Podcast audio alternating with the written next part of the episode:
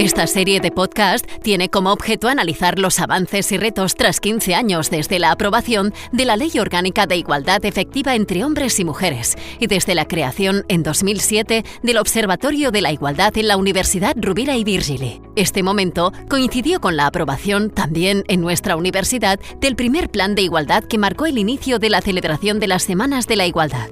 Las Semanas de la Igualdad son espacios de acogida, de voces expertas que ofrecen análisis académicos de las discriminaciones existentes, convirtiéndose en una actividad docente de referencia para toda la comunidad universitaria. Os invitamos a escuchar los análisis que ofrecen los estudios feministas a partir de la voz de nuestras invitadas.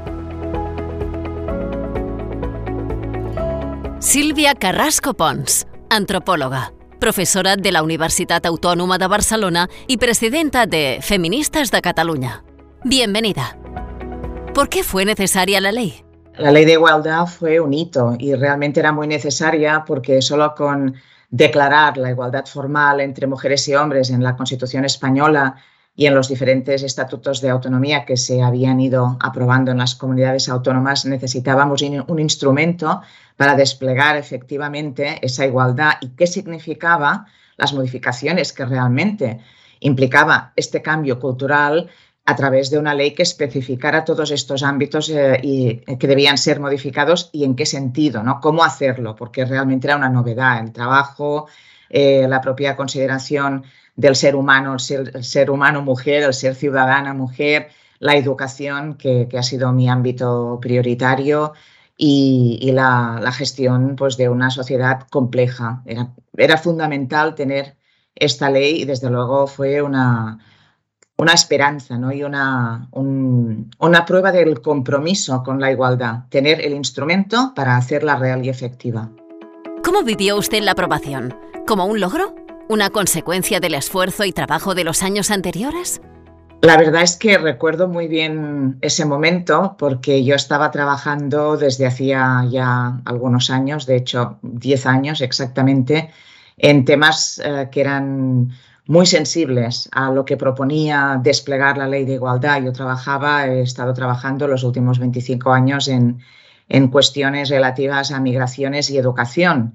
Entonces había una complejidad añadida en la, en la sociedad española porque era toda una novedad, una sociedad que se estaba convirtiendo en receptora de migraciones internacionales sin tener ninguna experiencia previa en ello y sin poder basarse en la experiencia de otros países, por ejemplo, del centro y del norte de Europa, de Europa, que sí tenían esta experiencia porque las migraciones que hicieron que España se incorporara como país receptor como nuevo país eh, democrático, con, una garantía de, derechos en un Estado de Derecho, un país en, pleno desarrollo económico que estaba siendo reconocido como destino eh, preferente, no como tierra de paso, como había sucedido en épocas anteriores, pues esto sucedió en las migraciones de la globalización, de manera que llegaban a las escuelas, llegaba a la sociedad, ¿no? Eh, contingentes importantes de, personas con lenguas, culturas y procedencias diferentes de todo el mundo. Entonces era, era un instrumento muy interesante para poder avanzar en cohesión social desde la perspectiva de, la igualdad. Entonces, también planteaba retos, planteaba retos muy importantes respecto a ciertas ideas ingenuas probablemente, que luego se ha visto qué ha pasado con todo esto, para gestionar esta diversidad desde la igualdad. Entonces era, fue muy bienvenida porque de repente teníamos un instrumento, pero también era, era, nos planteaba unos retos, ¿no? nos obligaba a, repensar cosas y a diseñar cosas nuevas, como digo, cosas absolutamente nuevas a nosotras y a, a otros eh, países que, que no podían basarse en su experiencia previa, porque era otro tipo de dinámica migratoria internacional. ¿Cree que ha sido efectiva la aplicación de la ley? Bueno, yo creo que tenemos que, ser positivas y ver lo que se ha logrado. Yo creo que se ha avanzado muchísimo durante mucho tiempo. No creo que ahora estemos en el mejor momento, pero es necesario reconocer que se ha avanzado muchísimo durante mucho tiempo, sobre todo creando una cultura pública común ah, basada en, una idea de ciudadanía compartida entre mujeres y hombres que hace del todo intolerable. No, no, no, no hay partidos políticos que defiendan la inferioridad de la mujer. Pueden defender esencialismos eh, y estereotipos eh, sexistas tradicionales, pero nunca hablarán de la inferioridad de la mujer. ¿no? Este, este tipo de cuestiones eh, yo creo que, en el ámbito político han quedado descartadas. y, si no es así, al menos se tiene que disimular mucho para que, para que esto sea aceptable. Y creo que hay una, una idea de, de igualdad muy extendida, pero al mismo tiempo creo que ha habido fallos muy importantes y luego retrocesos y retos inesperados. Creo que estamos en un momento agridulce, diría, en un momento agridulce, pero hay que reconocer desde luego los, los avances que se han realizado, que son, que son muchos y han sido así durante, durante mucho tiempo. ¿Cuáles han sido algunos de estos avances? Muchos de estos avances, por ejemplo, yo los he vivido directamente en la universidad. A mí me tocó ser vicerrectora de estudiantes, eh, cooperación y políticas de igualdad entre los años 2012 y 2015 en la Universidad Autónoma de Barcelona, eh, impulsando el tercer plan de igualdad, evaluando de una forma democrática y muy extensa el segundo plan. Y recuerdo que en esa época, que no hace nada, 2012-2015, pues todavía encontrábamos ah, un, discurso público en ciertos sectores del profesorado, generalmente masculino, pero también femenino, eh, que vivía en esta idea de que la universidad es justa, es totalmente meritocrática y que no está impregnada de androcentrismo ni de machismo. Ah, pero eran voces ya minoritarias. Probablemente algunas de esas ideas las compartía más gente, pero como decía, la cultura pública común había ido erradicando al menos los discursos. Entonces, esto por una parte para mí fue una sorpresa. Yo me movía en unas disciplinas en este sentido tal vez más avanzadas, eh, ciencias sociales, pero en algunos sectores realmente esto todavía estaba así. Y, era minoritario. Y comprobar que era minoritario y comprobar que realmente hay una serie de lastres que estaban afectando la carrera de las jóvenes investigadoras, que había unos sesgos sexistas espectaculares en la contratación, que el famoso gráfico de las tijeras, ¿no? con mayor números cada vez más, más altos de mujeres eh, mucho más formadas, incluso con doctorados, pero que se mantenía todavía ¿no? las posiciones más consolidadas y de prestigio y de liderazgo de grupos de investigación en manos de al menos un 70% masculinas. Y esto verlo como una anomalía de una manera común, eh, públicamente común en las universidades, es un gran avance. y, tuvimos esos instrumentos fantásticos, las unidades de igualdad, los observatorios de igualdad, que se crearon, no sin reticencias, para poder eh, realmente velar por todo aquello que la ley decía. Por lo tanto, no solo fue la ley, sino lo que la ley decía que había que desarrollar y con esos instrumentos podíamos hacer políticas de igualdad y yo pude hacer políticas de igualdad desde mi posición de, vicerrectora durante esos años y los años anteriores y también posteriores esto por lo que hace la universidad. En el contexto laboral, yo creo que además vivíamos en un momento todavía ingenuo, porque después de la aprobación de la ley de igualdad en 2007 vino la crisis de 2008 y muchos de los avances que se esperaba que tuvieran lugar, por ejemplo, en el ámbito laboral, desde luego no pudieron desarrollarse porque la precarización extrema que empezó con, ese, con esa es la explosión de la burbuja inmobiliaria y la crisis financiera a la que dio lugar, eh, bueno, realmente obligaba a muchas personas a aceptar cualquier cosa bajo cualquier condiciones y desde luego repercutió en grandes retrocesos en las condiciones laborales de las mujeres. Es decir, vino en un momento en el que no pudo desplegarse en ámbitos absolutamente sensibles como el ámbito laboral, ¿no? pero en otros ámbitos desde luego sí fue así. También ha hablado usted de temas pendientes, complicaciones, incluso retrocesos. Bueno, hay toda una serie de cuestiones que ya eran complicadas cuando se aprobó la ley de igualdad. Como decía, yo estaba trabajando en cuestiones de migraciones y educación y en la formación de profesorado para acoger de una manera efectiva, con equidad educativa a los hijos e hijas de los, inmigrantes. Eh, esto implicaba una serie de transformaciones Em, en, la educación porque era complejo, podíamos aprender de algunas cuestiones que habían sido ya planteadas en otros países que tenían más experiencia, pero como digo, las migraciones de la globalización con toda su diversidad y con una, una idea de movilidad diferente, una cierta temporalidad uh, en el horizonte, pues hacía bastante difícil poder trasladar de forma efectiva eh, las, estas cuestiones, lo que implicaba realmente la ley de igualdad en, el capítulo 2, que tiene tres artículos claramente dedicados a educación, el 23, 24 y 25, uh, y que tiene esa doble vertiente, la igualdad en la educación y la educación para la igualdad, porque el campo de, la igualdad ha sido, desde luego, el, ámbito prioritario para realizar cambios culturales. Por lo tanto, debía uh, entrar de una manera clarísima la educación para la igualdad en el ámbito de la educación. Primero había que transformar la educación para convertirla realmente en un instrumento de igualación, de emancipación. Esto implicaba muchas cosas.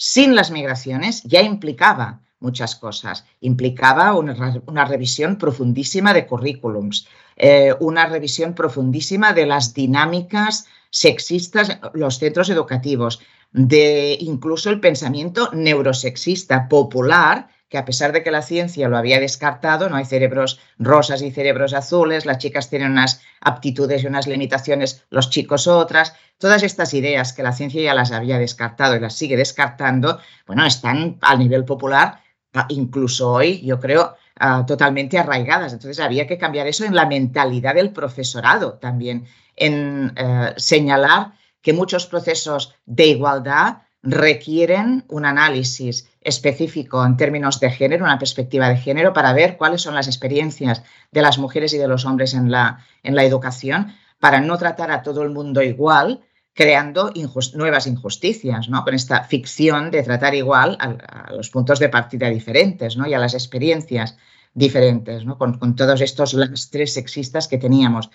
También había que revisar, como digo, el currículum, que el gran proyecto de Ana López Navajas y otras investigadoras pues sigue demostrando que en la actualidad los currículums nos reflejan más que un 7% de las aportaciones, ¿no? de, de, todas las aportaciones eh, relativas a las mujeres y que la experiencia y la historia de las mujeres sigue estando ausente en las perspectivas eh, curriculares. ¿no? Entonces, todo ello era una, una gran transformación de la educación porque la propia educación, la, a la propia educación, la ley le confiere el carácter de instrumento de transformación, ¿no? Pues si esto ya era así, muy complicado, imaginemos un momento en que el sistema educativo y las escuelas están siendo transformadas porque llegan a contingentes muy importantes, estamos hablando de 2007, ¿no? De 2005, España se convirtió en el segundo país del mundo en recepción de migraciones internacionales después de Estados Unidos. Es decir, hubo un gran cambio muy acelerado. Entonces, esto también tenía su repercusión en las escuelas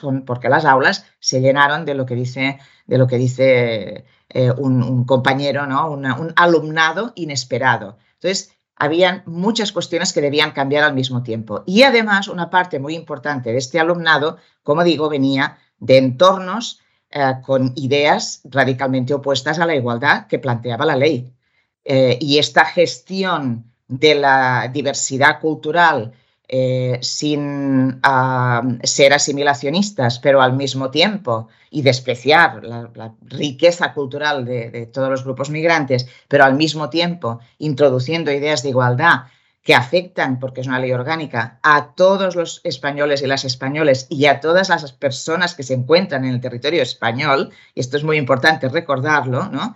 Eh, conciliar todas estas cuestiones era realmente muy, muy complejo. Contábamos con la ESO, contábamos con un, una secundaria obligatoria que tenía un eje transversal específicamente dedicado a la coeducación, que era este instrumento, pero realmente fue demasiado complicado y pasaron demasiadas cosas, retrocesos políticos posteriores que hicieron que todo esto no se pudiera desplegar de forma adecuada y que diera lugar, yo creo, a, a, a, retrocesos que todavía estamos pagando ahora con nuevos retos, nuevos retos creo que, que muy importantes porque están contradiciendo la ley de igualdad. Consideran que ha sido una ley blanda. ¿Está usted de acuerdo? Yo creo que fue una ley, es una ley todavía vigente, una ley muy importante que nunca se desplegó suficientemente porque no hubo voluntad política a partir de 2010-2011 con el cambio político conservador, eh, pero sobre todo también porque fue muy afectada por las circunstancias de la crisis y por esta complejidad y esta transformación de la sociedad española totalmente inesperada. ¿no? Entonces, ojalá esta ley, tal como fue aprobada, se estuviera desplegando, se hubiera desplegado realmente en todo su potencial. Entonces, hablar de una ley blanda no me parece del todo adecuado. A mí lo que me parece es que las condiciones de despliegue de esta ley no fueron óptimas, sino todo lo contrario. Y estamos ahora pagando esto. Y además hay un elemento que no puedo dejar de mencionar. Una semana antes de la aprobación de la ley de igualdad eh, real y efectiva entre mujeres y hombres, de la ley orgánica del 22 de marzo, una semana antes, el 15 de marzo, se había aprobado otra ley que contenía un concepto de género directamente contrario al concepto de género que contiene esta ley. Por lo tanto, en, ese mes de marzo de 2007 em, se introdujo una contradicción que ahora mismo tiene que ver con los debates alrededor de la coeducación, que, se utiliza la palabra, pero no se implementa con lo que realmente significa, educación para la igualdad. y todo viene de ese mes de marzo. La ley de igualdad defiende el concepto de género como opresión, como el principal mecanismo del, patriarcado para inferiorizar y someter a las mujeres de forma legal o de forma cultural y social el concepto que contiene el Convenio de Estambul, por ejemplo, para erradicar la violencia contra las mujeres. Exactamente ese concepto. En cambio, la ley que se había aprobado una semana antes, la ley que, regulaba el cambio en la mención registral del sexo, ya introducía en el ordenamiento jurídico español el concepto de género como identidad. Ese concepto de género como identidad ha prevalecido y se ha hecho preeminente por encima del concepto de género como opresión para evaluar desde la perspectiva de género la situación desigual que viven hombres y mujeres y que hay que tener siempre presente para poder hacer políticas de igualdad. Por lo tanto, aquí decir que la ley era una ley blanda, desde luego no me parece del todo justo, pero sí me parece interesante resaltar que el debate que no se tuvo en esos momentos ahora mismo nos está afectando como sociedad y creo que es un debate muy, muy serio. Ahora hablamos de retos del feminismo, pero si nos remontamos a cuando se aprobó la ley, podemos decir que el consenso que había entonces se ha perdido. ¿Cree usted que uno de los retrocesos es esta falta de consenso político de la sociedad civil, del movimiento feminista? Hubo un consenso unánime, unánime, desde luego, cuando se aprobó esta ley. El movimiento feminista eh, lo vivió como un logro porque de hecho es un logro del movimiento feminista. Ninguna de estas leyes eh, surge de la nada. Es el resultado del trabajo eh, del movimiento feminista en sus planteamientos como teoría política y en su acción activista y social con una agenda de, más clara de más de 300 años en, la cual la, educación tiene un papel central, ¿no? pero por supuesto, porque hablo de mi, terreno, ¿no? ese consenso no se ha perdido. El feminismo sigue defendiendo esa ley y quiere que esa ley se despliegue y se mantenga como la ley de referencia que habla de quiénes son los hombres, quiénes son las mujeres, cuál es la situación de desigualdad endémica heredada y cómo hay que luchar contra ella en todos los ámbitos de la vida social. El feminismo no ha roto ningún consenso respecto a la agenda de igualdad que representa esta ley. Otra cosa es que aparezcan feminismos que, por supuesto, quieren suplantar esta agenda y convertirla en todo su contrario. Por lo tanto, el principal reto ahora mismo para este despliegue, ¿cuál cree que es? Eh, yo creo que estamos en un momento interesante de recuperar esta ley, de recordar de dónde venimos, cómo se forjó, para qué se promulgó y volver a, a leer realmente el espíritu de esta ley, la letra de esta ley y ver que estamos todavía muy lejos de su aplicación y en riesgo de retroceso. De manera que reivindicar la vigencia de la Ley de Igualdad de 2007 ahora mismo debe ser otra vez un punto clave en la, en la agenda feminista. Esta es mi opinión. ¿Y cree que tiene que haber cambios jurídicos, modificaciones en la ley, añadir artículos o realizar un despliegue completo y efectivo de la ley? Claro, aquí tenemos un problema y es que em, cada vez que se retoca una ley en estos momentos, Em, se introduce una ideología contraria al feminismo. De manera que yo en estos momentos sería conservadora y diría, creo que con reivindicar el despliegue de la ley tal como está sería suficiente como punto de partida. Antes que retocar esa ley, probablemente pensaría en otros ámbitos que no estaban bien regulados y pensaría en nuevos retos que afectan a la desigualdad, nuevas desigualdades entre mujeres y hombres. Pero esos nuevos retos eh, necesitan una reflexión muy profunda, nada precipitada, antes que tocar esa ley. Y desde luego no sería partidaria en estos momentos de iniciar ninguna reforma de esta ley. Yo creo que hay que volver a esta ley y ver lo que ha pasado con su falta de despliegue y las dudas que ahora mismo generan contradicciones con legislaciones que se están aprobando que están en la, dirección contraria desde el punto de vista conceptual y político del espíritu y la letra de la Ley de Igualdad de, de 2007. En estos momentos creo que sería muy conservadora y no tocaría nada más, pero sí volvería a estas reflexiones para hacer un buen balance y ver lo que podemos perder uh, si, no, si no hacemos caso de las propias leyes de las que nos dotamos como sociedad, ¿no? Añadiendo, por supuesto, una reflexión ante nuevos retos que no están en, la ley porque ni siquiera estaban en el horizonte en esos momentos o eran muy incipientes. Toda la cuestión de las violencias uh, digitales, el, el, aumento, por ejemplo, del consumo de pornografía entre jóvenes, el aumento de la violencia sexual y del negacionismo de tal violencia sexual